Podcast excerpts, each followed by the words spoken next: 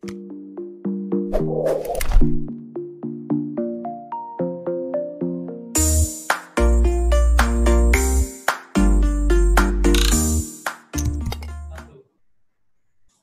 pagi, salam bahagia kerabat desa Indonesia. Kembali lagi kita berjumpa di acara Kepoin Desa.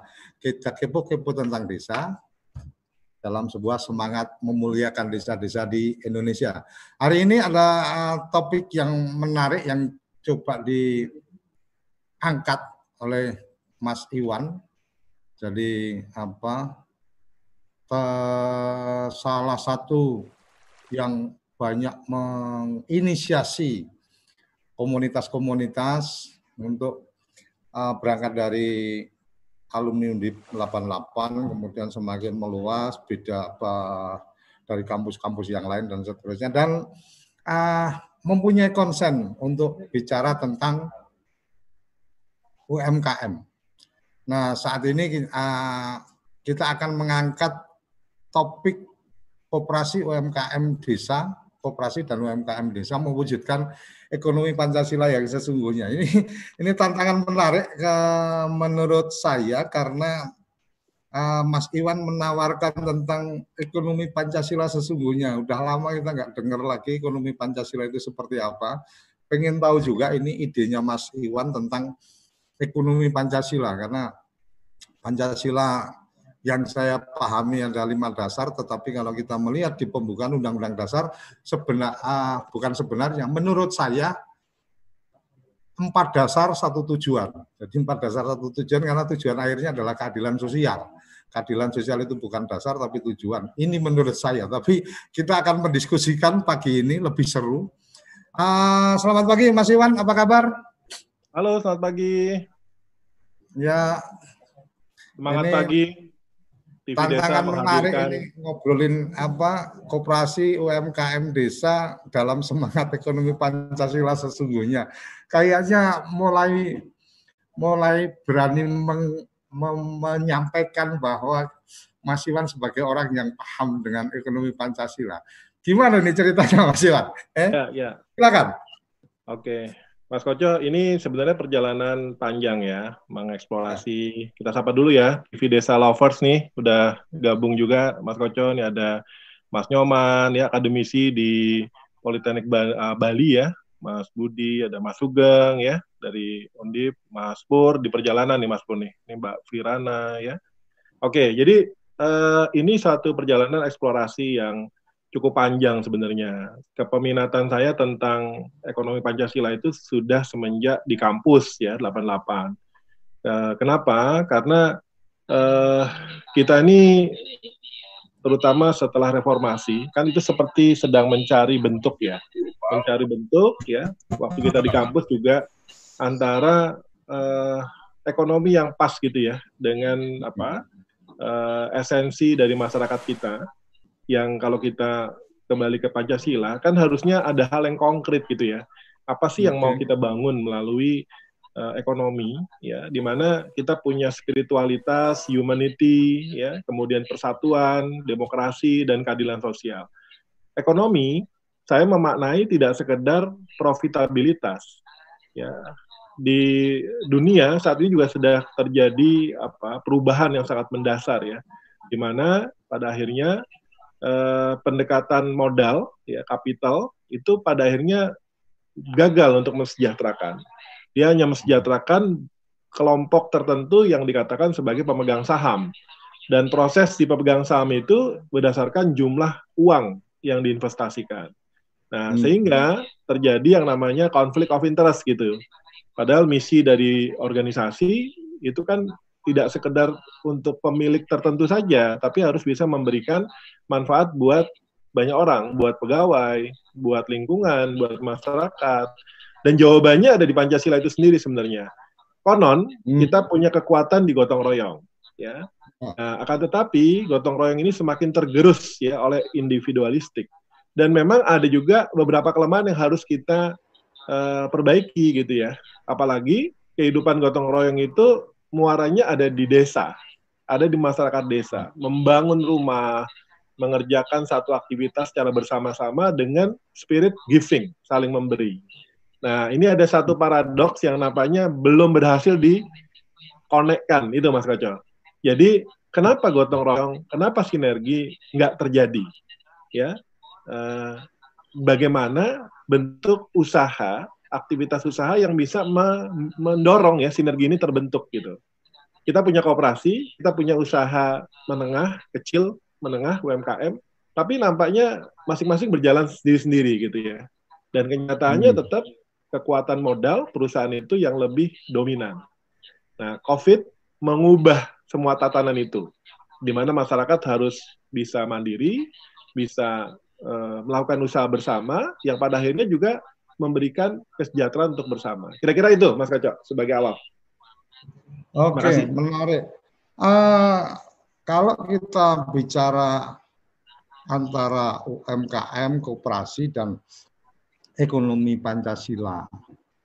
Saya sih melihatnya oke okay, kalau kita bicara koperasi itu apa bagian dari uh, ekonomi Pancasila yang sesungguhnya karena koperasi itu semangatnya semangat apa kekeluargaan dan gotong royong kekeluargaan itu dalam artian secara manajerialnya artinya tidak kemudian hukum menjadi hukum atau aturan menjadi garda terdepannya tetapi lebih pada bagaimana dikelola dengan cara kekeluargaan dan gotong royong ini lebih pada dalam konteks apa berkegiatannya karena uh, gotong royong dan kekeluargaan ini kan uh, kata sifat dan kata kerjanya kan gitu. Uh, hmm. Kalau UMKM mungkin uh, ini jadi sesuatu yang beda ketika mungkin uh, semangatnya adalah semangat ada semangat kompetisi di situ masing-masing ya. UMKM bersaing kemudian apa ketika tidak ada semangat Pancasilanya, tidak ada semangat apa uh, religinya, spiritualitasnya, bahwa kemudian dia menghalalkan segala cara itu kan artinya sudah hmm. bertentangan dengan sila pertama nih. Kemudian hmm. uh, menghalalkan segala cara untuk kemudian menjatuhkan lawan bisnis itu artinya sila keduanya sudah nggak dapat kan gitu. Nah ya. kemudian apa uh, persatuan itu artinya ketika kemudian uh, kita juga melihat ada teman-teman yang saling melempar hoax gitu kan uh, hoax hmm. uh, bahwa oh di sana itu ada pesugihannya ada apa kalau kamu tahu pas makan bakso itu dibangku sama kuntilanak atau apa dan itu kan artinya berita-berita bohong kayak gitu kan jelas apa merusak apa hubungan persaudaraan di apa sila ketiga. Nah, saya pikir ini menjadi bagian menarik. Sekarang uh, pertanyaannya sebenarnya lebih pada apa yang apa apa yang yang yang kemudian menjadi tantangan hari ini. Hmm. Indonesia me, sepertinya atau kita sepertinya sudah melupakan apa itu Pancasila gitu kan. Uh, bahkan ada anggota dewan aja nggak hafal gitu kan sila-sila Pancasila. Sebenarnya nggak apa nggak nggak apa-apa juga artinya kamu nggak nggak hafal kitab suci tapi kamu me, menjadi orang baik juga sudah cukup juga gitu kan. Hmm. Tapi ya naif juga kalau cuma lima sila anggota dewan pun sampai apa nggak hafal kan gitu. Nah, ya. mungkin uh, yang kemudian menarik sekarang adalah ketika bicara ekonomi Pancasila kita dulu punya uh, Prof Jogja ya, siapa Mubiarto. Mubiarto. Nah, hari ini kayaknya kita belum punya tokoh ini. Apa jangan-jangan Mas Iwan mulai mendedikasikan diri sebagai ekonom Pancasila? Asik ini karena seorang uh, akuntan kemudian berbicara ekonomi Pancasila. gimana, ini? uh, gini, kalau kita bicara ekonomi Pancasila, memang nggak bisa lepas dari kooperasi, dari okay. usaha ya. tadi. Dan tokohnya siapa? Ya kita semua. Kita kembali menjadi bangsa Indonesia. Cuma menariknya begini, Mas Koco. Sebenarnya kalau dikatakan ini uh, national wisdom atau local wisdom, enggak juga. Ini perjalanan hmm panjang dunia gitu ya eh, koperasi di Indonesia itu sebenarnya sudah diawali di desa ya tahun 1896 ya hmm. di Purwokerto itu petani di sana membentuk satu usaha bersama yang tujuannya adalah untuk mengatasi soal pendanaan soal kebutuhan hmm. untuk melakukan kegiatan pertanian. Bung Hatta sendiri belajar di Eropa itu tahun 1926 ya pada hmm. saat itu Eropa juga sedang menggeliat ya terjadi perubahan tatanan yang awalnya feodalistik ya menjadi borjuis ya kemudian terjadi gerakan buruh. Nah, revolusi industri sendiri tahun 1700-an, ya. Kemudian perkembangan koperasi 1700-1800-an. Mulai di Inggris, kemudian bergeser ke Perancis dengan revolusi Perancisnya, ya, fraternit, ya, kemudian egaliter, ya, eh, kemudian bagaimana kebersamaan, ya, bergeraknya masyarakat, ya, yang mulai tumbuh menjadi gerakan-gerakan buruh di eh, Eropa, ya tujuannya sama. Untuk apa sih semua ekonomi ini? Apakah hanya untuk pemilik modal? Hanya untuk kalangan tertentu? Atau harusnya semua? Bung Hatta kemudian ke Denmark ya melihat bagaimana kehidupan kooperatif di sana ya. Nah di sana dilihat ada suatu kegiatan individu-individu yang bergabung. Ya umumnya tadi di pertanian sama di industri yang kemudian menggabungkan sumber dayanya, bisa modal, bisa kapasitas produksinya, dan bisa dalam uh, marketnya.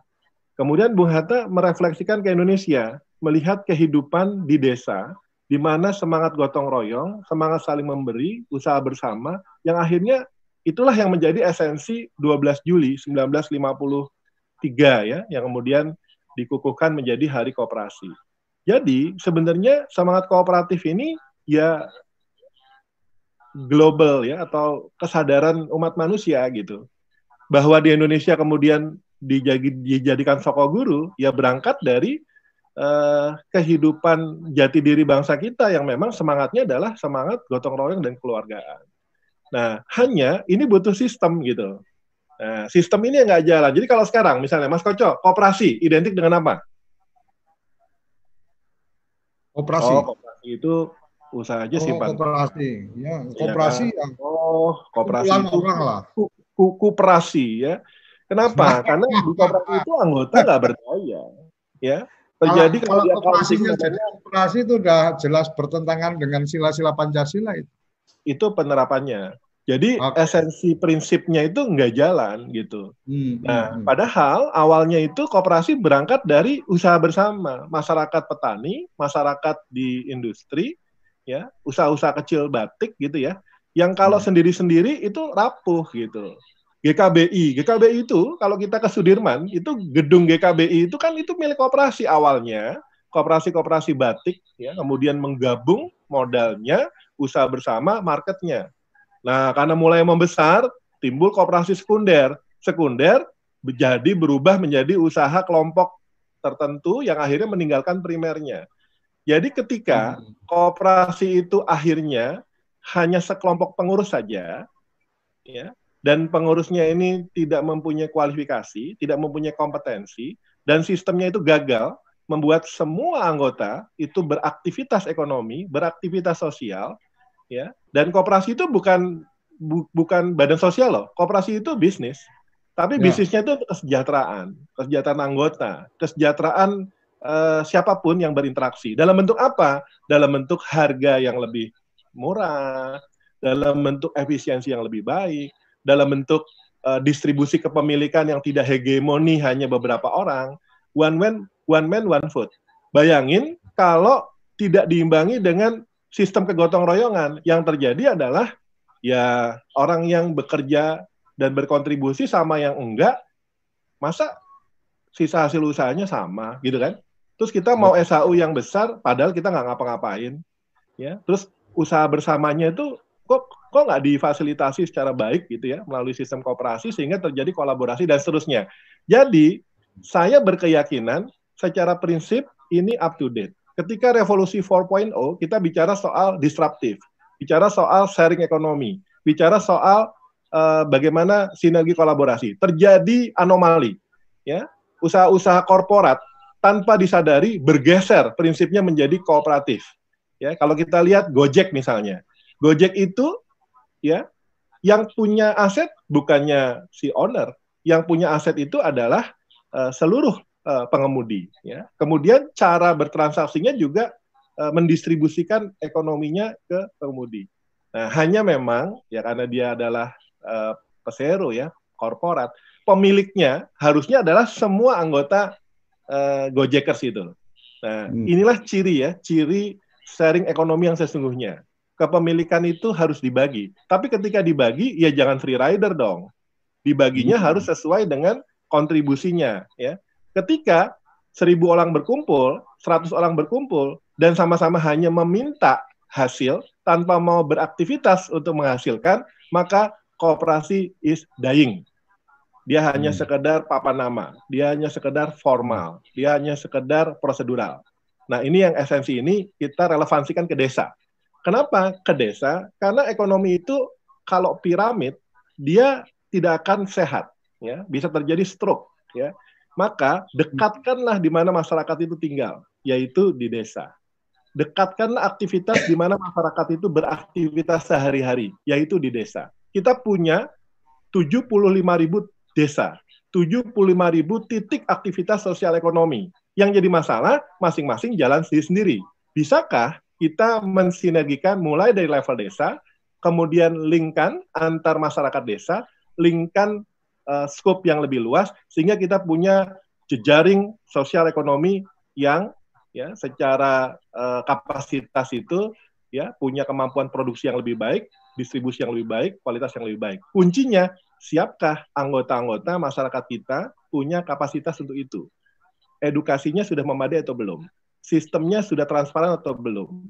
Apa iya? Jadi pengurus kooperasi ada kualifikasi yang jelas? Itu nggak ada semua. Akhirnya ribuan kasus kooperasi, ribuan kegagalan menjalankan amanah dana yang kemudian menggunakan label kooperasi untuk melakukan fraud.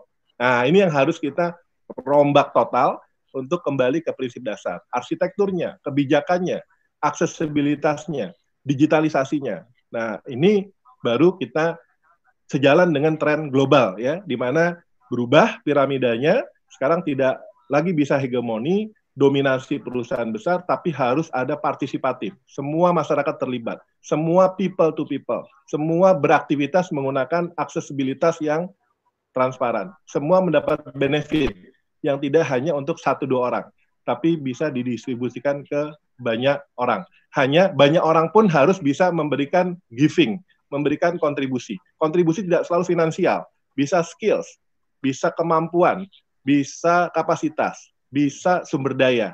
Ya, jadi kooperasi itu bukan semata finansial. Kooperasi ini adalah energi, sinergi, sintesa energi, di mana energi individu menjadi kelompok, kelompok menjadi komunitas, komunitas menjadi nation, nation menjadi global.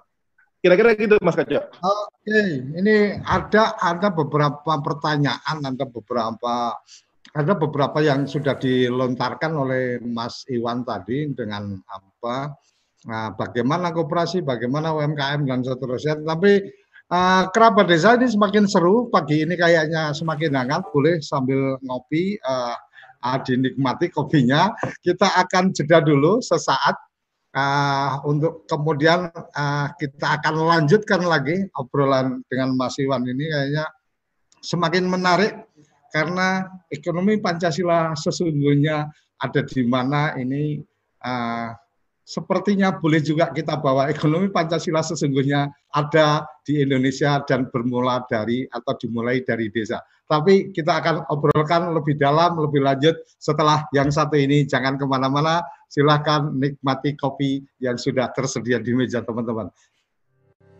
Kamu tinggal di pulau terpencil, pegunungan pinggiran kota, atau daerah di Indonesia yang tidak terjangkau jaringan fiber, ADSL, dan juga 3G.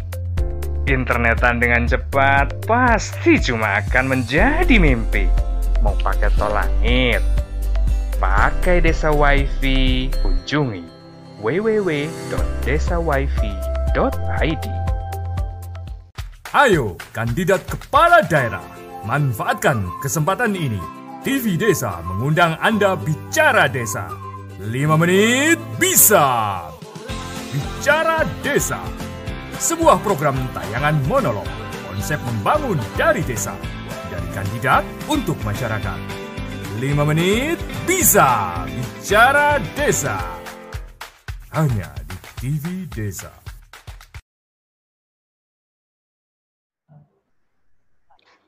Kembali di Kepoin Desa. Ah, makin seru, makin asik ini.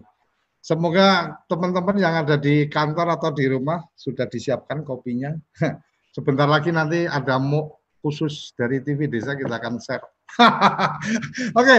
Om Iwan, Om Iwan ini menarik sekali ini ketika bicara eh, ekonomi Pancasila sesungguhnya kemudian bicara ke koperasi UMKM. Saya membayangkan, saya membayangkan bahwa ketika bicara UMKM maka karakteristik apa artinya uh, jiwa dari pelaku-pelaku UMKM ini harus berjiwa Pancasila ini jadi kayak kayak kita ini badan apa ideologi Pancasila ini. Nah, jadi kenapa berjiwa Pancasila? Karena salah satunya kalau kita bicara sila pertama ketuhanan yang maha esa artinya setiap orang harus percaya Tuhan kan gitu. Tidak ya. sekedar ya. beragama.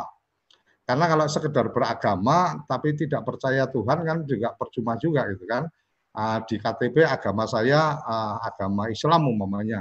Tapi kemudian saya juga mencuri timbangan umpamanya saya tulis di di kemasan itu 100 gram padahal cuma 98 gram itu kan artinya mencuri timbangan uh, ya tetap masuk mencuri kan gitu. Itu kan juga apa kita tidak mempercayai Tuhan lagi ketika kita berani mencuri itu kan berarti uh, kita sudah uh, tidak percaya bahwa Tuhan mengetahui bahwa kita sedang mencuri kan gitu.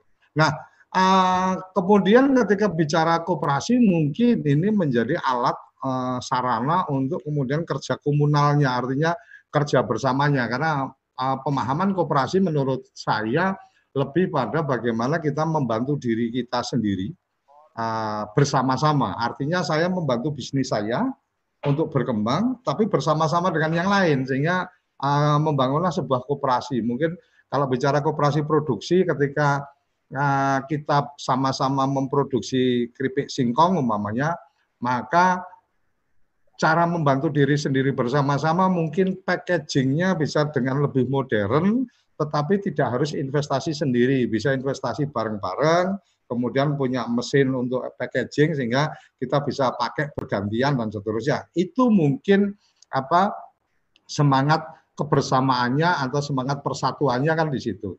Nah, uh, ini sudah ada Mas Heri Setiawan sudah resen saya apa sebelum nanti ke Mas Iwan lagi uh, saya buka ke Mas Heri uh, untuk bisa uh, membuka mic-nya. Silakan Mas, dari saya sudah saya berikan akses untuk bisa bicara. Silakan Mas Heri.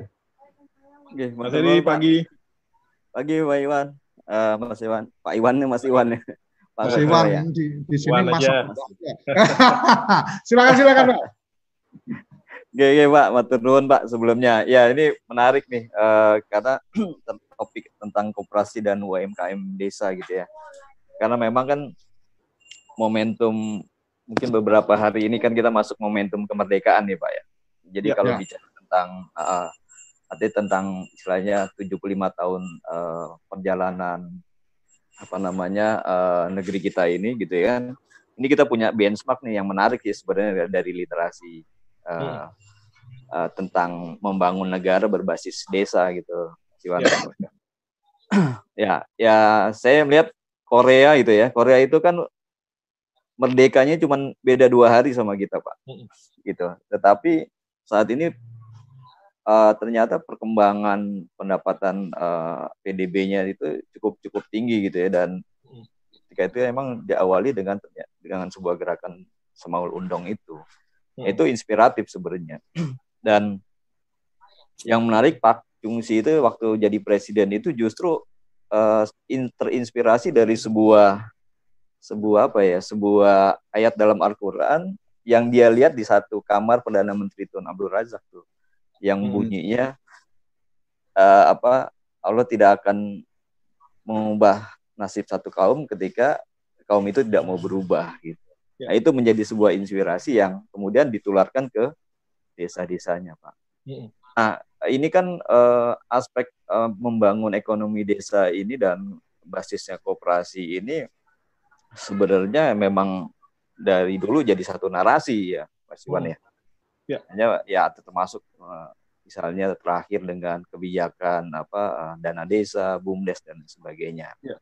Cuman menurut saya memang ada yang kurang Pak ketika kita ketika kita bicara langsung ke aspek ekonomi gitu. Hmm. Jadi uh, kami sendiri saya ada dengan teman-teman bikin satu movement juga pak gerakan itu hmm. uh, mengacu pada pada apa uh, gerakan yang ada di di Korea itu sendiri gitu bahkan memang sebenarnya sih naturalnya itu sebenarnya ada di kita ya dari desa untuk bangsa itu harusnya memang uh, se, apa istilahnya pusat-pusat kegiatan stimulasi ekonomi itu memang harus dibangun dari desa pak gitu kan hmm.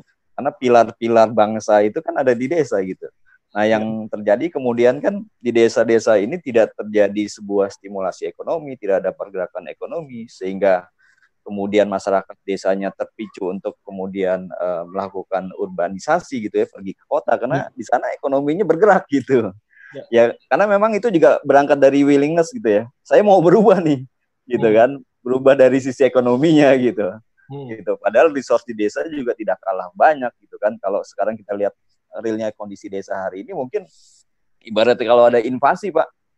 Ya, ya. kan? Ada invasi ini Belanda datang lagi nih. Desa-desa kita tuh dengan mudah berjatuhan karena isinya cuma aki-aki yang menini-nini gitu ya kan? warga-warga pemuda apa uh, apa warga-warga usia produktif itu pasti kebanyakan ada desa. Nah, itu saya ngomong kayak gini karena itu situasi di desa uh, orang tua saya juga begitu dan kemudian saya juga memang apa uh, istilahnya anak yang lahir di kota tapi kemudian uh, tinggal di desa Pak seperti itu. ya, ngontel sekolah 8 kilo gitu atau jalan kaki itu situasi-situasi seperti itu. Dan pemuda-pemudanya tadi akhirnya kan uh, terpacu untuk Eh, ke kota karena memang ingin mengejar aspek ekonomi. Padahal sumber daya sumber daya itu ada di desa dan ini tidak ada sebuah kebijakan yang uh, apa cukup uh, kuat gitu ya dalam tara, tataran implementasi, Mas Iwan. Ya. ya kan? Semua tentang uang. Ya. Nah ini juga ada dana desa tapi stimulasi ke ekonomi ya itu betul juga. Ya, tapi harus ada sebuah peta jalan sebenarnya yang ya lebih fundamental gitu. Dan itu sebenarnya basically bahkan originalnya itu sudah ada di desa hanya saja sering kali kita kemudian tanda kutip melakukan pendekatan yang tidak desa banget gitu. Yang di situ ada spirit tentang karakter orang-orang desa gitu ya. Ya. yang ya ibaratnya uh, low profile high impact gitu kan. Bertani ya, tapi Mas Eri, Mas Eri. ya kalau bicara karakter desa dengan sekarang sudah apa digital, televisi hmm. dan seterusnya sudah luar biasa. Hmm. Saya kok masih malah meragukan tentang masih ada apa enggak sih sebenarnya karakter desa karena sekarang kita kita ngomong narkoba, kita ngomong kekerasan yang yang kita temukan di kota-kota, kita ngomong apa eh, anak-anak uh, dengan apa gaya hidupnya atau lifestyle-nya mengikuti Korea, mengikuti Jepang dan seterusnya, main game dan seterusnya, itu desa sama kota udah nggak ada bedanya mas. Kemudian apa ya, kamling mungkin kalau ketemu di desa kita masih lihat teman-teman pada gantian jaga hari ini juga sudah di apa ditempatkan hansip yang dibayar dan seterusnya. Apa memang masih ada mas? Sorry ini agak agak menyimpang tapi karena tadi menyampaikan bahwa ayo kita mulai dari desa dan kemudian apa bagaimana peta jalan apa membangun Indonesia dari desa dan mungkin kalau kita koneksikan dengan idenya Mas Iwan tadi kan berarti bagaimana uh, jiwa Pancasila itu ada di, di desa dan seterusnya. Dengan hari ini dunia tanpa batas, tanpa wilayah dan yes. seterusnya, uh, yes. apa sebenarnya yang harus yang harus kemudian dimulai, Mas? Moga Mas Yari, yeah, yeah. kayaknya yeah, yeah. tanya tadi dan juga sudah asa sudah yeah. ikut ditangani juga ini sama Mas Yari. Ya, Pak ya memang ini kan bicara globalisasi ini kan ibarat dua mata pisau ya Pak ya. Ada ya hmm, kan? Ya. Satu sisi hmm. memang itu sebuah apa keniscayaan gitu ya. Mau nggak mau kita memang harus uh, terkoneksi dengan apa aspek aspek global. Tapi di sisi lain di situ ada pertukaran budaya, pertukaran nilai, bahkan intervensi budaya gitu kan. Ternyata, hmm. uh, kayaknya itu lebih keren gitu dibandingkan hmm. karakter yang sudah ada di desa itu kan itu ada. Makanya hmm. memang hmm aspek yang fundamental harus ada yang jaga nih pak gitu. Hmm, oke okay, oke. Okay, okay. Harus ada yang jaga nih, harus ada yang tetap membina karakter itu hidup gitu. Nah ini kan tentang satu generasi dengan generasinya itu pasti berbeda dan transfer kultur, transfer nilai ini yang menurut saya memang ya terjadi apa uh, apa namanya terjadi uh, degradasi gitu ya Nah menurut saya memang makanya memang fundamentalnya tetap Pak itu harus dijaga. Itu kan kultur kita kan. Kalau kita bicara ya katakan istilah di Korea uh, dan di Jepang dan lain sebagainya itu memang satu inspirasi yang kesa uh, memiliki kesamaan gitu. Bahkan sudah ada di kita. Istilahnya beda aja gitu kan. Nah ini yang tetap harus kita jaga nih Pak gitu. Mungkin peran-peran para ya tadi uh, pamong gitu ya memberikan transfer itu sesuai dengan tentu juga uh, tidak kolot ya gitu kan ada hmm. adjustment adjustment itu bagaimana menyampaikan sesuai dengan uh, bahasa generasinya gitu kan itu yang harus tetap dijaga makanya peta jalan pertama itu emang harus uh, pertama pembinaan aspek jati karakter diri, pak. ya? jati dirinya pak. harus pride dengan jati diri kita gitu nah, asli Indonesia ya, ya desa saya, gitu. saya paham yang nah, disampaikan nyambung apa, nyambung uh, nyambung kayak di TV desa perkat jati diri bangsa kayaknya. Oke okay, nah. Mas Iman ya, ya. Mas Heri terima kasih. Mas Heri terima kasih. Okay. Tadi ya. Lanjut lanjut Mas, Mas Iman ada ada clue penting ya yang disampaikan kalau kita benchmarknya ke Korea Selatan atau ke Jepang. Nah, kita kan hmm, ya. sebenarnya ada dua mainstream ya, masyarakat individualis ya di Eropa, ya. Amerika dan lain-lain dan masyarakat kolektif ya di Asia. Ya, makanya uh, kita di Asia ini memang culture-nya umumnya uh, kolektif gitu ya. Nah, cuma ya. tadi kolektif kita itu kalau Prof Wahyudi dulu di uh, accounting UI pernah kasih kuliah itu ya, itu menyampaikan uh, melakukan komparasi gitu, ya ada dua kelompok, ya satu masyarakat apa kelompok Jepang, satu kelompok Indonesia memindahkan hmm. balok ya, balok kayu. Ya yang kelompok Jepang ini ya semua memanggul balok dengan sama, gerakannya juga sangat apa uh, solid gitu, sehingga cepat memindahkannya. Hmm. Nah begitu kelompok Indonesia ini lambat sekali, ya ternyata setelah hmm. kita ini kita observe itu nggak semua orang manggul balok yang sama, ya ada yang cuma pura-pura megang. Ya.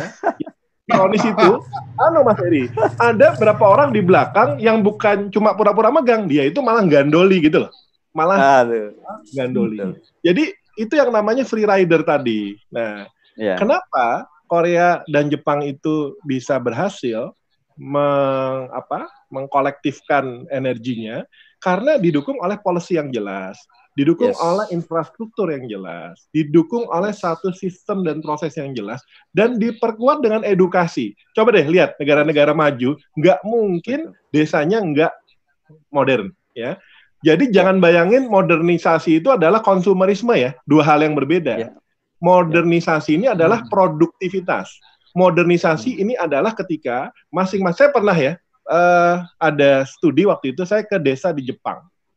Ya, kalau kita berpindah dari kota ke desa dan ke desa dan ke desa, nggak ada perbedaan infrastrukturnya, jalannya, ya tapi ketika kita diskusi di salah satu desa, ya tetap profesornya itu menjelaskannya itu pakai papan tulis yang pakai kapur. Ini tahun 2000 udah era ini loh, udah 2010, 2000 ke sini lah. Jadi jangan bayangkan modernisasi itu adalah satu konsumerisme dan satu hedonistik gitu ya. Modernisasi Betul. itu adalah akses. Ya, kita mau di mana pun, listrik, pendidikan, ya, eh, apa istilahnya kapasitas, ya, dengan kesederhanaan desa, tapi dengan teknologi yang sangat modern, dengan edukasi yang sangat baik. Nah, artinya ya nggak mungkin itu terjadi dengan sendirinya. Masyarakat dibiarkan begitu saja. Kita coba yes. introspeksi sekarang dana desa. Dana desa dari awal kan dikritisi kan, masyarakat hmm. ini nggak cuma butuh dana, masyarakat ini butuh hmm. capacity, butuh didampingi, butuh diberikan akses apa yang terjadi? Dana desa itu saat pada saat ini masih segera sekedar menggulirkan dana. Dana ya. desa yang tadinya per desa itu hanya 50 juta, 100 juta, tiba-tiba ada yang berubah menjadi sekian ratus juta, bahkan miliar. Ya, sementara kapasitasnya gimana? Ya kan? Yes. Ya, yes. kalau kita lihat ya, ini sekedar contoh saja ya, Banyuwangi, ya. Di Banyuwangi itu nggak ada yang nggak ada yang berubah secara signifikan loh. Yang berubah itu hanya cara memanagenya yang berubah itu piramidnya dibalik. Yang tadinya hanya di piramidanya sekarang diubah ke bawah. Jadi masyarakat diberikan akses, kopi ya yang tadinya hanya parsiali sekarang dibuat festival. Masyarakat terlibat, disinergikan, diperbesar marketnya, ya kemudian juga diberikan apa aksesibilitas yang lebih baik diciptakanlah telling-telling story. Wah, kalau di sana itu ada kawah yang begini warnanya itu hanya ada di sana, nggak ada lagi di tempat lain selain di sana. Dibuat mitos-mitos ya, yang ya. kemudian menjadi satu desa-desa wisata, di mana di desa wisata itu terciptalah aktivitas ekonomi dari bawah, ya, uh, bisa industri kreatif, bisa agro, bisa perkebunan, gitu ya.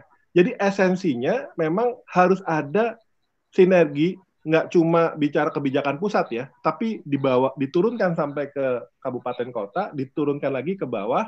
Tapi yang lebih penting adalah dibuka ruang. Saya terakhir ke Sembalun, satu desa menarik di dekat Rinjani. Saya kaget juga. Ternyata nggak seperti yang kita persepsikan. Masyarakat desa, anak-anak muda desa, mereka itu tetap melakukan apa? Community punya ide, hmm. punya gagasan, dia bikin kegiatan wisata, dia buka akses, dia buka web dan sebagainya. Ya, so saya tanya, apa yang dibutuhkan supportnya? Pak, kami hanya butuh satu laptop, ya, karena kami sudah punya inisiatif, kami punya kreativitas, kami punya kelompok. Paguyuban-paguyuban di desa masih eksis, ya, di uh, yeah. pertanian, ya, kemudian di perkebunan, ya, di nelayan. Yang jadi persoalan skala, skala apa ya? Skalanya yang ya hanya kecil-kecil begitu gitu loh eh, belum bisa di apa diintegrasikan menjadi satu kekuatan ekonomi yang sesungguhnya. Nah inilah ya. tantangan untuk ekonomi Pancasila. Jadi kalau ekonomi Pancasila ya sih still exist, iya, cuma sendiri-sendiri. Om, om, pilkada, pilkada itu dampaknya juga merusak loh, ya kan? Kenapa? Masyarakat berubah jadi konsumerisme, berubah menjadi uang. Koperasi-koperasi yang ada hanya untuk ya? penyaluran dana. Nah, ini yang harus kita rubah ya, sekarang. pragmatis, kapitalis pragmatis. ya, piramidanya dibalik, masyarakat dibuka aksesnya, kita katakanlah yang profesi, akademisi, saya ngajak nih, mulai 12 Juli kemarin, 73 tahun ya, ya dengan TV Desa, sudah saatnya jangan lagi di kampus, jangan lagi di perusahaan, jangan lagi di organisasi-organisasi kita secara eksklusif. Semua harus turun ke desa. Turunnya bagaimana? Ya. Dengan knowledge kita, dengan aksesibilitas kita, dengan pendanaan kita dengan pendampingan kita, dengan gerakan kita bersama. Semua. Nggak usah pusing-pusing lah soal KKN tuh ya. Di kampus itu KKN yang produktif lah. Ciptakan inovasi dampingi berikan contoh ya. Masyarakat di desa itu jauh lebih memahami apa yang harus mereka lakukan. Yang jadi masalah mereka nggak berdaya karena keterbatasan akses. Mas Koco punya ide juga udah nggak ada lagi sekarang keterbatasan akses. Selagi ada langit selagi ada apa bisa berinteraksi dengan satelit maka bisa terhubung. Sekarang sudah ada ya. belum platformnya?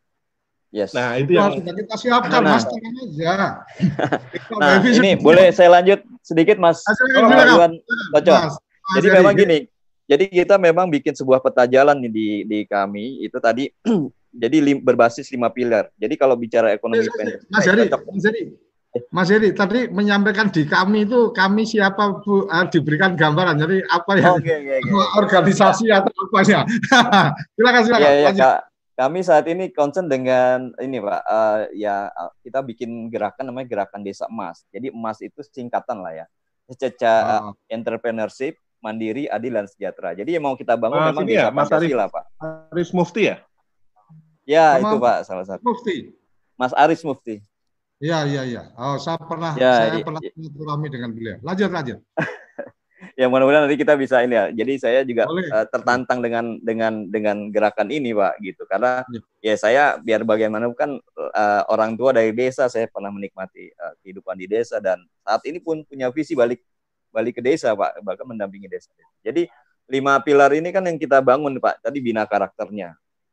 Ya karakternya ini kita harus jaga, harus ada yang jaga nih ini karena memang tadi efek tadi ya efek dari uh, akses globalisasi budaya itu juga juga perlu kita jaga. Yang kedua kan bina istilah bina saudara dan institusi, Pak.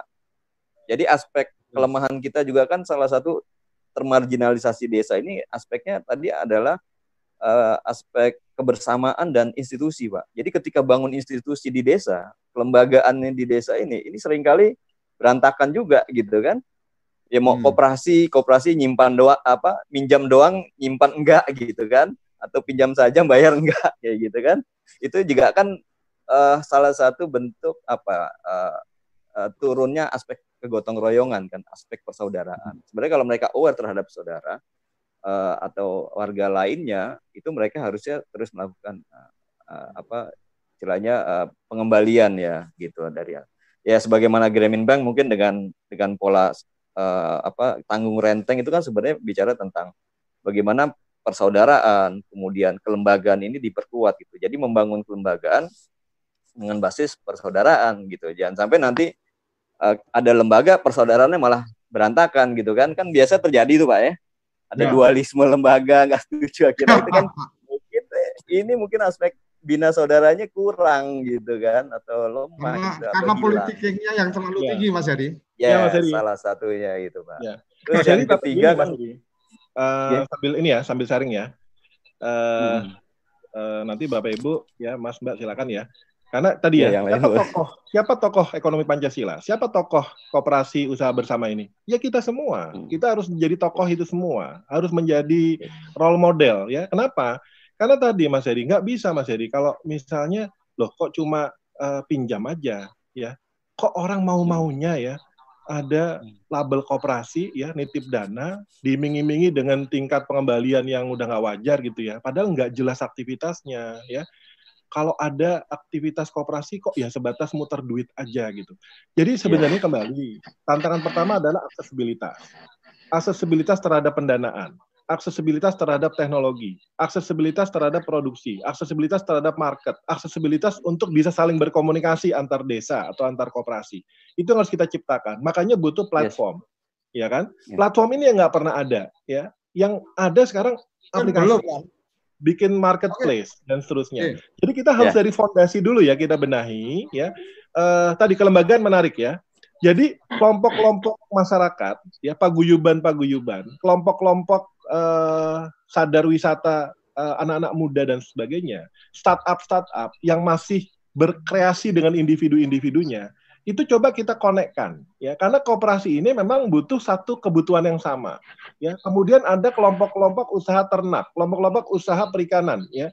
Nah yes. kelembagaan ini adalah bagaimana ini bisa menjadi satu yang kontinu karena gini loh keluhan ya ada usaha-usaha kecil kita apa usaha-usaha UMKM kita yang sudah bisa akses ke internasional karena keunikan dari produknya sekali kirim nggak lagi karena nggak ada kesinambungan ya kan ya. terus tidak tidak ada apa ya uh, proses jadi biasanya ada mohon maaf ya ada maklar ya yang hmm. yang yang yang main itu tradernya gitu ya harusnya hmm. yang yang bermain itu adalah si produsennya gitu biarlah masyarakat desa itu sediakan teknologi, sediakan akses, kita edukasi, mereka yang jadi playersnya. Bahwa memang ada mediasi, bahwa nanti kampus terlibat, itu sebagai fasilitator gitu.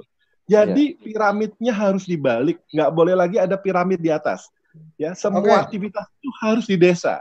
Masyarakat terlibat dan kata kuncinya adalah edukasi. Edukasi untuk yang praktikal ya. Ya, bukan sekedar edukasi sekolah nih ya, tapi benar-benar apa yang ada di nanti programnya TV Desa ini ya benar-benar aktivitas usaha yang dirintis, diciptakan, ditayangkan ya karena desa komplain. Kita tahu ya. loh di Jakarta lagi banjir ada masalah ini, tapi pertanyaannya apakah masyarakat kota paham apa yang terjadi di desa? Nah, ini ini yang harus Oke, di Oke, Ah, oke, okay. ini ini apa sangat sangat hangat obrolan iya. kita yeah. apa pagi ini. Uh, mungkin secara khusus nanti gerakan apa Desa Emas kita bisa apa bisa isi boleh Pak. yang menarik boleh ya, Mas. Desa. ya karena nah, tadi tadi melanjutkan yang tadi Mas Dwi itu.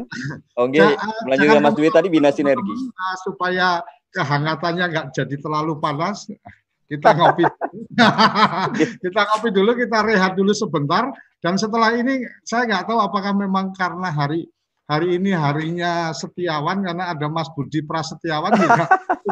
iya juga deh. Kita marga Setiawan ini. Sampaikan ke Mas ini bagian dari brotherhood ya Mas Eri. Uh, apa kita akan berikan kesempatan untuk bicara setelah yang satu ini jangan ke mana-mana. Terima kasih. Uh, tetap di Kepoin Desa.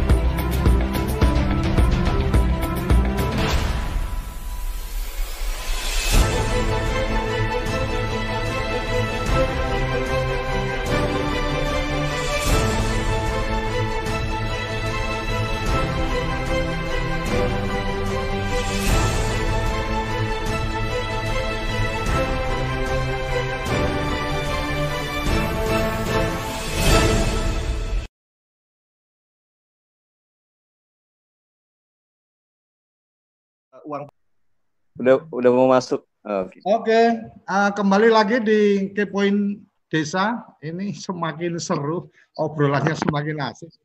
Ma- Mas Iwan ini salah satu yang apa sangat bersemangat kalau sudah ngomong UMKM, udah ngomong koperasi, ketemu Mas Heri yang juga punya gerakan Desa Emas luar biasa. Nanti kita ada satu momen uh, apa uh, kita membicarakan tentang Desa Emas itu seperti apa. Tapi hari ini harinya Setiawan karena ada Mas Budi Prasetyawan yang kemudian juga present. Silakan Mas Budi.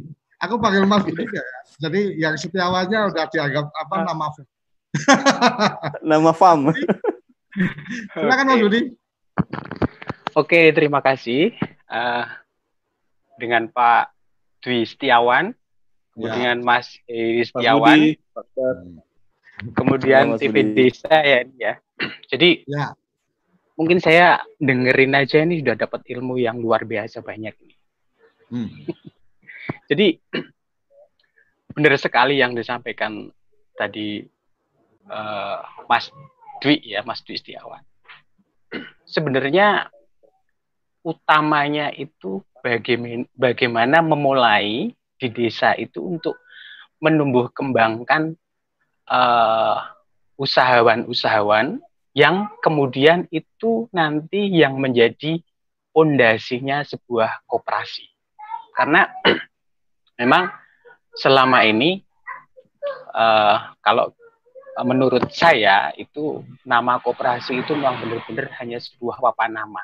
Artinya Hmm. itu banyak mereka yang tidak berkompeten ada di situ, bahkan hanya untuk formalitas. Jujur saja, banyak sekali mereka yang ada di dalam sebutan koperasi itu hanya tanda petik untuk formalitas, apalagi di eh, isu politik dan lain-lain. Nah, saya kebetulan pendamping lokal, Ya. eh, sekaligus owner olahan rempah. kadang ada motif ini Mas Budi ya, dibentuk hanya untuk mau ngajukan dana lah.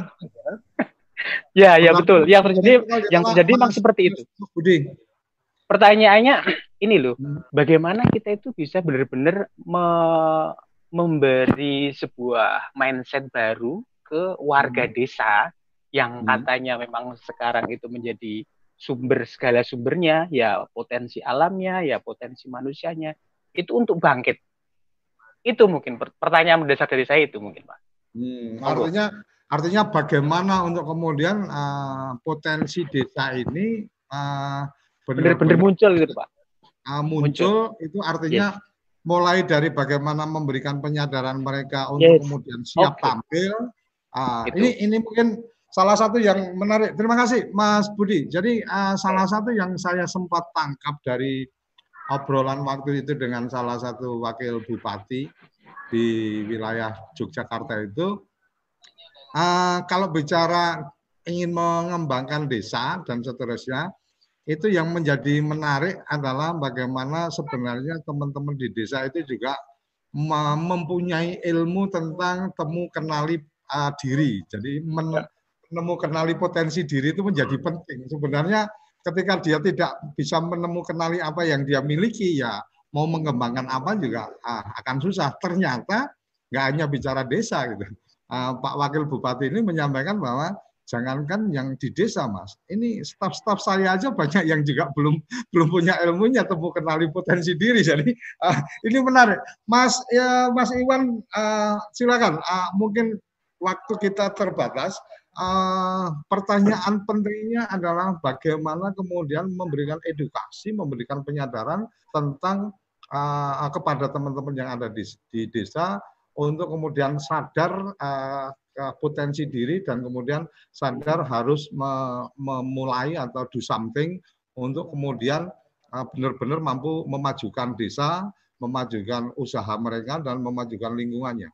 Mas ah, ah, Mas Iwan silakan.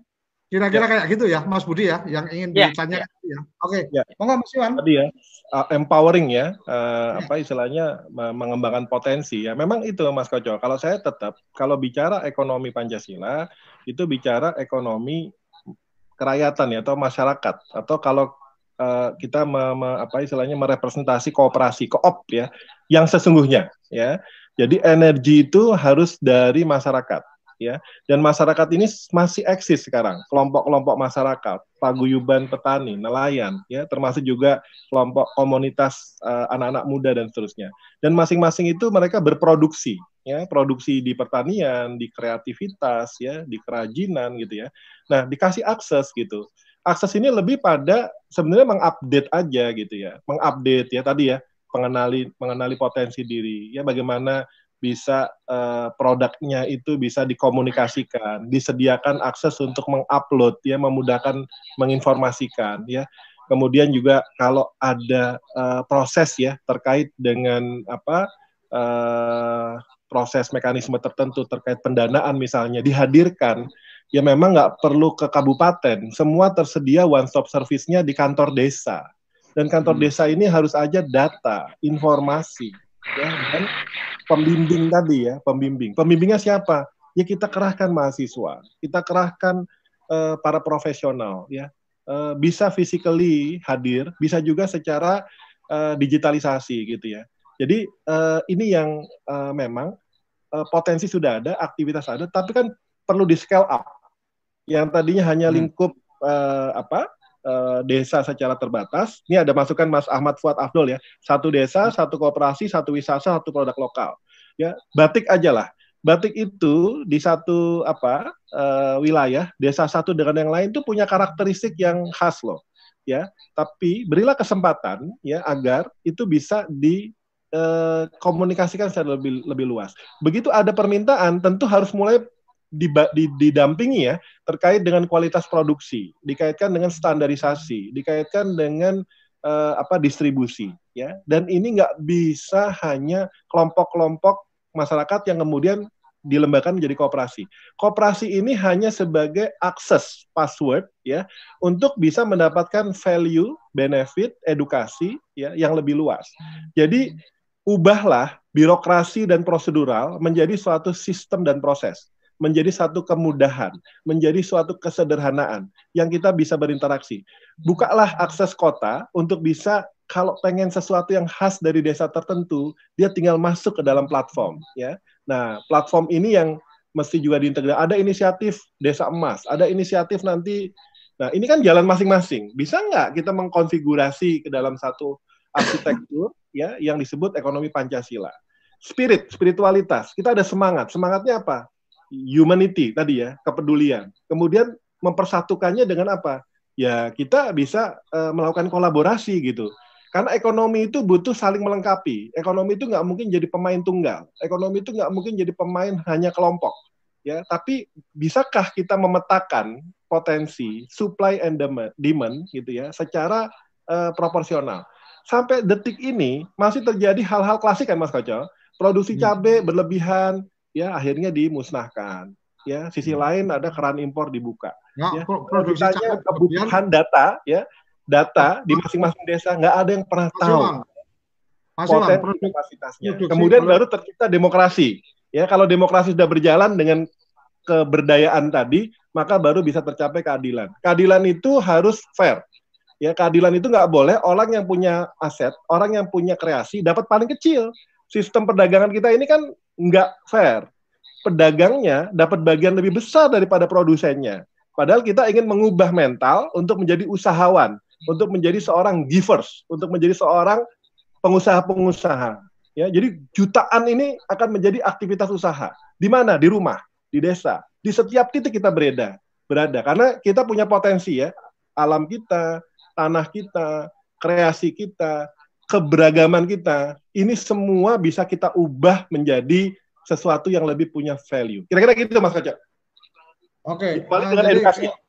Nah, jadi kalau tadi yang disampaikan Mas Iwan tentang apa cabai berlimpah, harga, kemudian jatuh dan seterusnya. itu sebenarnya ketika kita bicara produk-produk pertanian sebenarnya lebih pada uh, pertanyaannya mungkin lebih kepada jiwa Pancasilanya pengelolaan negara ini seperti apa kan gitu. Karena pada saat panen uh, bawang putih atau panen cabai ternyata juga keran importnya dibuka oleh menteri mama kayak gitu. Ini kan ini kan sebenarnya uh, kalau kemudian kita mempertanyakan mempertanyakan apa uh, Pancasila dan seterusnya. Salah satu yang menarik sebenarnya uh, kejiwaan Pancasila atau kejiwaan ekonomi Pancasila itu ada nggak di pengelola kebijakan ya. negara yang terkait sedikit Mas Koco. Ya, gitu. kan selalu, ya, Mas Heri ya. Selalu, Mas ya, selalu pertanyaannya gini ya. Kita ini lebih mengutamakan lebih mengutamakan orang, manusia atau sistem. Pilih mana? Ada yang berpandangan harusnya manusianya, manusia yang Pancasila, manusia yang punya uh, keberpihakan. Tapi ada yang berpendapat harusnya sistem yang membuat orang itu nggak bisa curang, orang itu nggak bisa menyalahgunakan kekuasaannya, bikin transparan. Ya kita salah sendiri, nggak ada sistem kok yang bisa diakses secara jelas bagaimana kebutuhan satu daerah dengan daerah yang lain, ya bagaimana apa yang terjadi di desa, bagaimana komoditas unggulan di desa, semua itu terlock gitu ya, terlockdown, ya kan? Nah ini hmm. yang harus mulai kita buka aksesibilitasnya, tapi untuk hal yang produktif, kira-kira begitu ya kalau kita nggak tahu kita di mana ya dan kita punya apa ya bagaimana kita mau melangkah di mana makin tertutup sistem makin terlock sistem makin terbuka kesempatan orang untuk curang. Ya jadi sekarang kita buatlah satu lan, apa tatanan yang membuat orang itu susah untuk curang. Ya para pengambil kebijakan susah untuk menyalahgunakan. Ya nah inilah PR kita bersama gitu Mas Kaca makasih. Oke, oke. Ini tanpa tanpa terasa waktu kita tinggal dua menit, jadi Mas Heri yeah. tadi sudah sempat senyum-senyum. Mungkin Mas Heri eh, satu menit terakhir mungkin bisa menyampaikan something oh. menyangkut. Ya, ya Mas Koco, Mas Iwan. Jadi memang ya harapan kita tadi ya dengan sinergi kolaborasi tadi, kita berharap memang uh, aspek bagaimana desa mendukung kota atau sebaliknya, itu kita berharap uh, ada sebuah ini yang sedang kita usung. Jadi kalau, kalau istilah saya, istilah uh, ya saya coba buat itu bagaimana kemudian uh, konsep atau eh, platform ataupun ekosistem yang kita bangun ini harus uh, memberikan sebuah uh, pendekatan profit fairness distribution distribution. Hmm. Jadi distribusi profit secara fair Mas Baca Mas Iwan. Yang tadi kan yang Kalau bicara kemudian fair, yang bicara, bicara keadilan sosial kan gitu ya. yes, betul. Itu poin utama kita kan keadilan sosial bagi seluruh rakyat Indonesia. Jadi jangan sampai tadi ketika masyarakat desa panen, ekspektasi mereka mereka mungkin mendapatkan sebuah apa uh, profit ya gitu kan. Karena tingkat resiko mereka kan cukup besar juga ketika uh, mereka bertanam bertanam seperti itu di aspek budidaya. Bahkan ada kok Pak Haji yang saya datangi itu punya hamparan sawah cukup besar, lahan cukup besar, tapi dia nggak bertani. Bertani hanya untuk kebutuhan hidupnya saja. Karena apa? Ketika saya bertani, Mas, justru malah saya jadi berhutang. Nah, itu kan lucu, gitu kan. Hmm. Bertani malah berhutang karena ketika panen digencet impor, ya kan, digencet tengkulak, uh, eh, HPP-nya nggak masuk, Pak. Nah, ini ekosistem yang kita coba buat uh, aspek hulu hilir yang melibatkan uh, petani atau masyarakat desa Eh, sehingga mereka mendapatkan sebuah profit uh, di, uh, yang fair gitu ya. Termasuk Semua pihak. Jadi everybody happy. ya. Gitu kan? Kenapa tengkulak? Ya, yeah. Kenapa rente ya? Karena mereka datang ke petani, mereka bisa membujuk. Ya. Yes. Ya. salah sendiri. Kita nah, ini saya yang betul bisa. betul Mas Jadi kami sekarang sedang kembangkan tujuh platform lah yang mudah-mudahan ini bisa berkontribusi terhadap pembangunan desa kita dan berefek pada uh, kejayaan bangsa kita, Mas Koco Mas Iwan gitu ya termasuk aspek oh. pendanaan itu kan alternatif tidak hanya bank sebenarnya. Mereka sendiri memang tadi kooperasi, kelembagaannya diperkuat, modalnya diperkuat ya. Uh, simpanannya terus harus dikuatkan terus profit bisnis model. Lalu kita punya tanggung renteng kan, sistem yang bisa Yes, ada sistem crowdfunding. Nah, ini yang kami sedang kembangkan nih. Saya kebetulan jadi PIC-nya, Sawer Desa, Pak. Ini mudah-mudahan oh, nanti kita okay. launchingkan gitu. Nah, okay, ini pendekatannya malah Kayaknya obrolan ke Mas Heri perlu sesi khusus kita akan atur Mas Heri uh, jadi oh, tamu.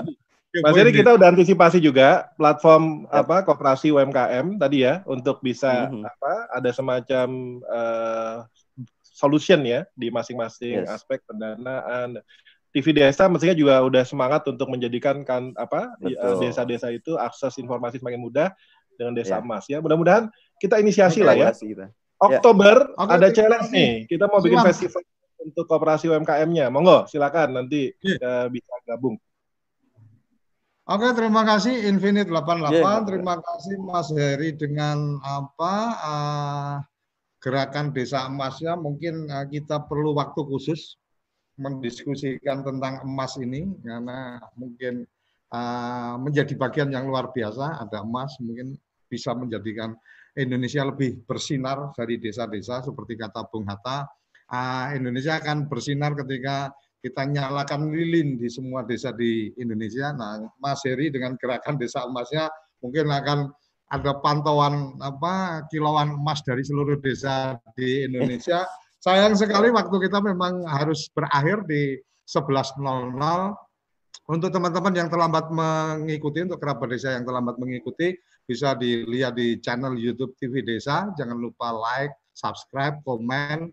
Kalau ada uh, informasi, ada ide-ide uh, topik yang ingin diangkat, atau ada tokoh yang apa minta dihadirkan uh, bisa menghubungi uh, admin uh, WA uh, official WA kami 083 kali 01317160 kami akan mencoba uh, memenuhi uh, harapan uh, kerabat desa mungkin ingin mengundang siapa dan seterusnya kita akan usahakan untuk bisa hadir dalam Kepoin Desa. Kepoin Desa hadir setiap hari Senin sampai Jumat pukul 10 sampai 11 uh, bisa disaksikan langsung melalui satelit TV desa, kemudian juga bisa diakses uh, live-nya di channel YouTube. Jadi di channel YouTube kami hanya menayangkan acara-acara live kita.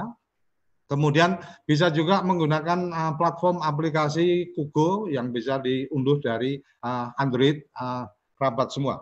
Saya pikir sampai di sini uh, acara kita Kepoin Desa kita akan undang secara khusus Mas Heri di uh, minggu depan uh, atur waktunya untuk kita bisa mendiskusikan uh, desa emasnya yep. dan uh, kami sangat terbuka untuk teman-teman uh, kerabat desa membagikan informasi topik-topik yang perlu kita angkat dan topik-topik yang tokoh-tokoh uh, yang perlu dihadirkan. Jangan lupa ada program andalan juga dari TV Desa setiap malam minggu itu jam 19.30 sampai 20.30 ada malam mingguan bersama Kementerian Dalam Negeri.